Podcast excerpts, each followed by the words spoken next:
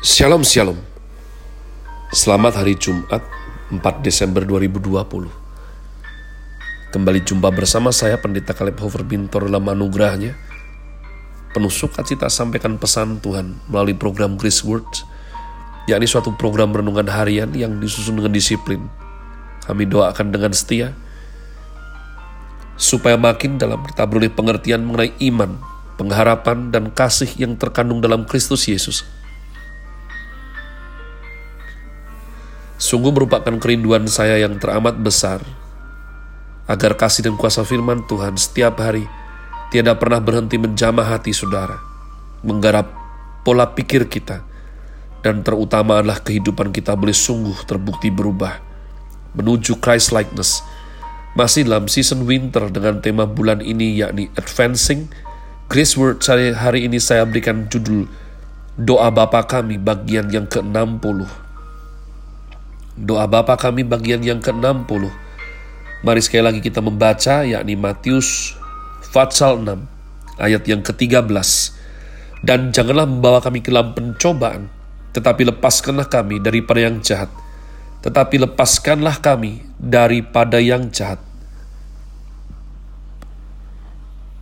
Kita sudah 60 episode umat Tuhan.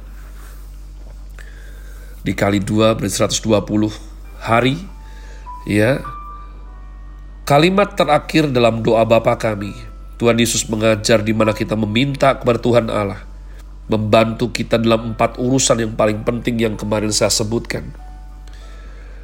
Namun yang terakhir bagaimana kita melepaskan diri daripada yang jahat. Untuk itu kita perlu sangat tahu.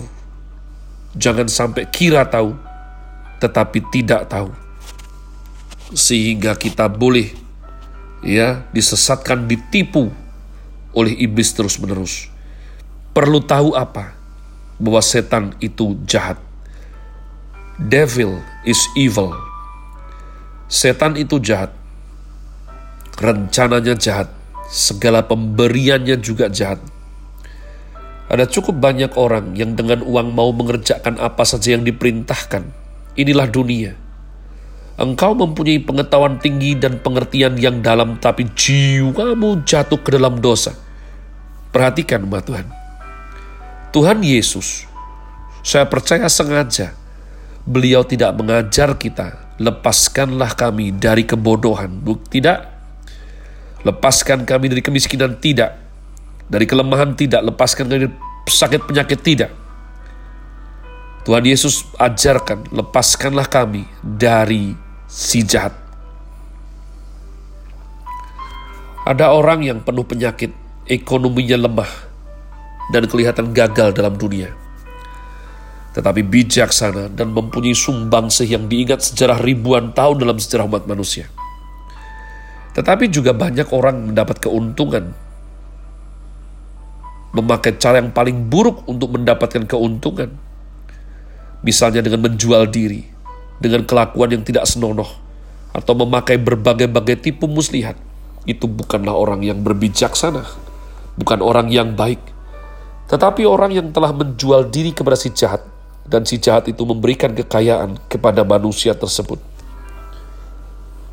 Di Jerman, ada suatu cerita tentang Dr. Faustus. Dr. Faustus ini kisah seorang dokter yang ingin kaya, tapi ia tidak kaya tak kunjung kaya.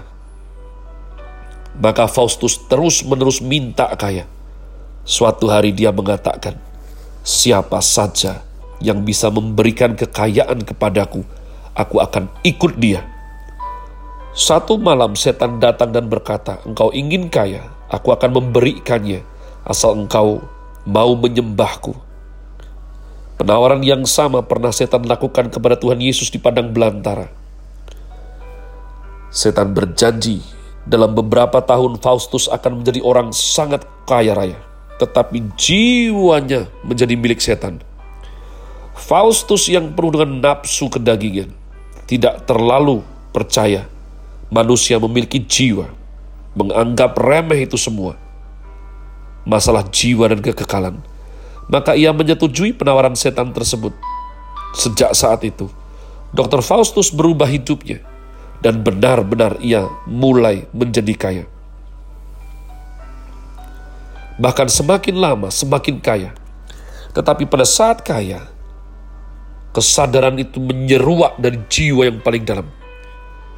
Dr. Faustus mulai menyesal. Mengapa ia memberikan nyawanya, jiwanya, hidupnya menjadi milik setan. Ia berusaha melarikan diri, tetapi setan mengejarnya dan akhirnya ia binasa di tangan setan. Cerita ini memberikan peringatan kepada orang-orang di Eropa. Cerita ini menjadi sangat terkenal dan para pemusik pada zaman itu sering mengangkat cerita Dr. Faustus menjadi karya musik mereka.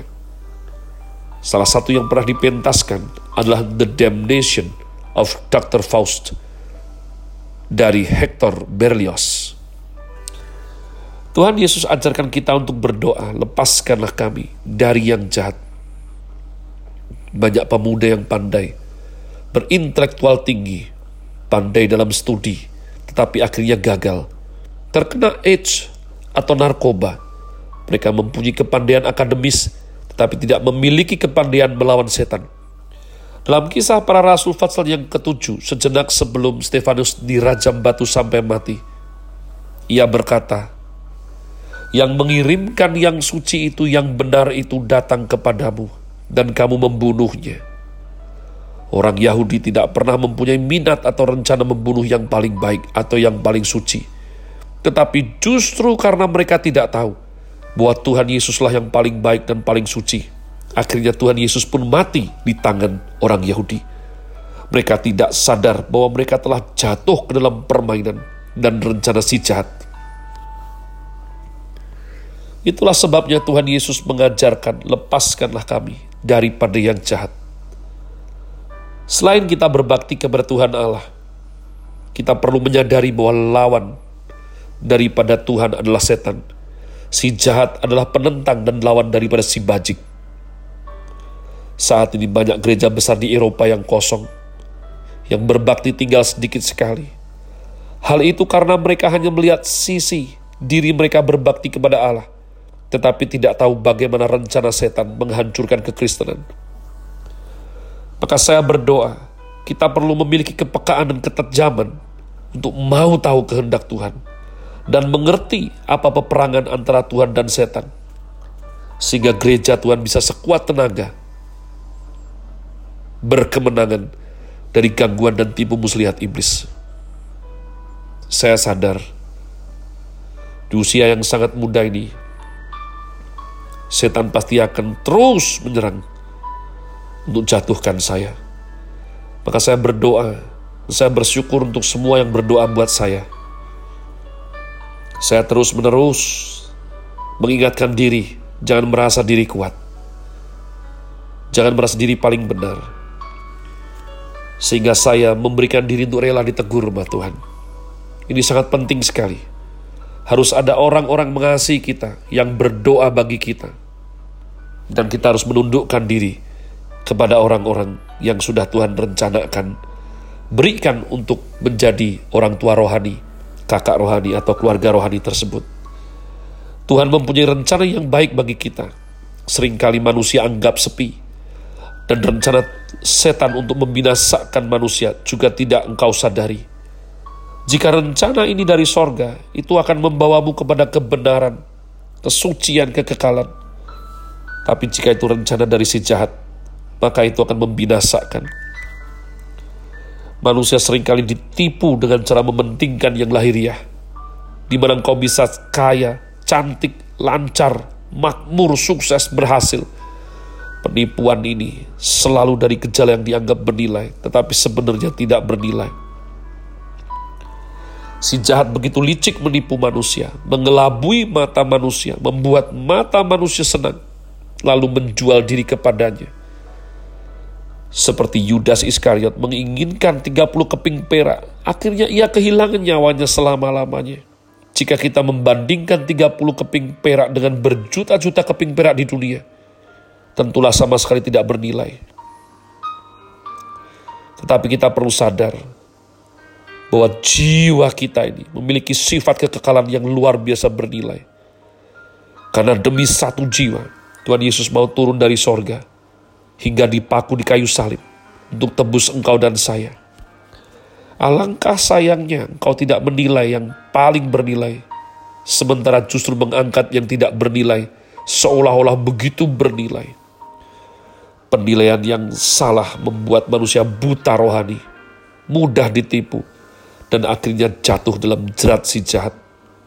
Maka inilah yang Tuhan Yesus ajarkan sebelum menutup doa yang begitu penting. Lepaskanlah kami daripada yang jahat. Lepaskanlah kami daripada yang jahat. Have a nice day. Tuhan Yesus memberkati saudara sekalian. Sola. Grazie.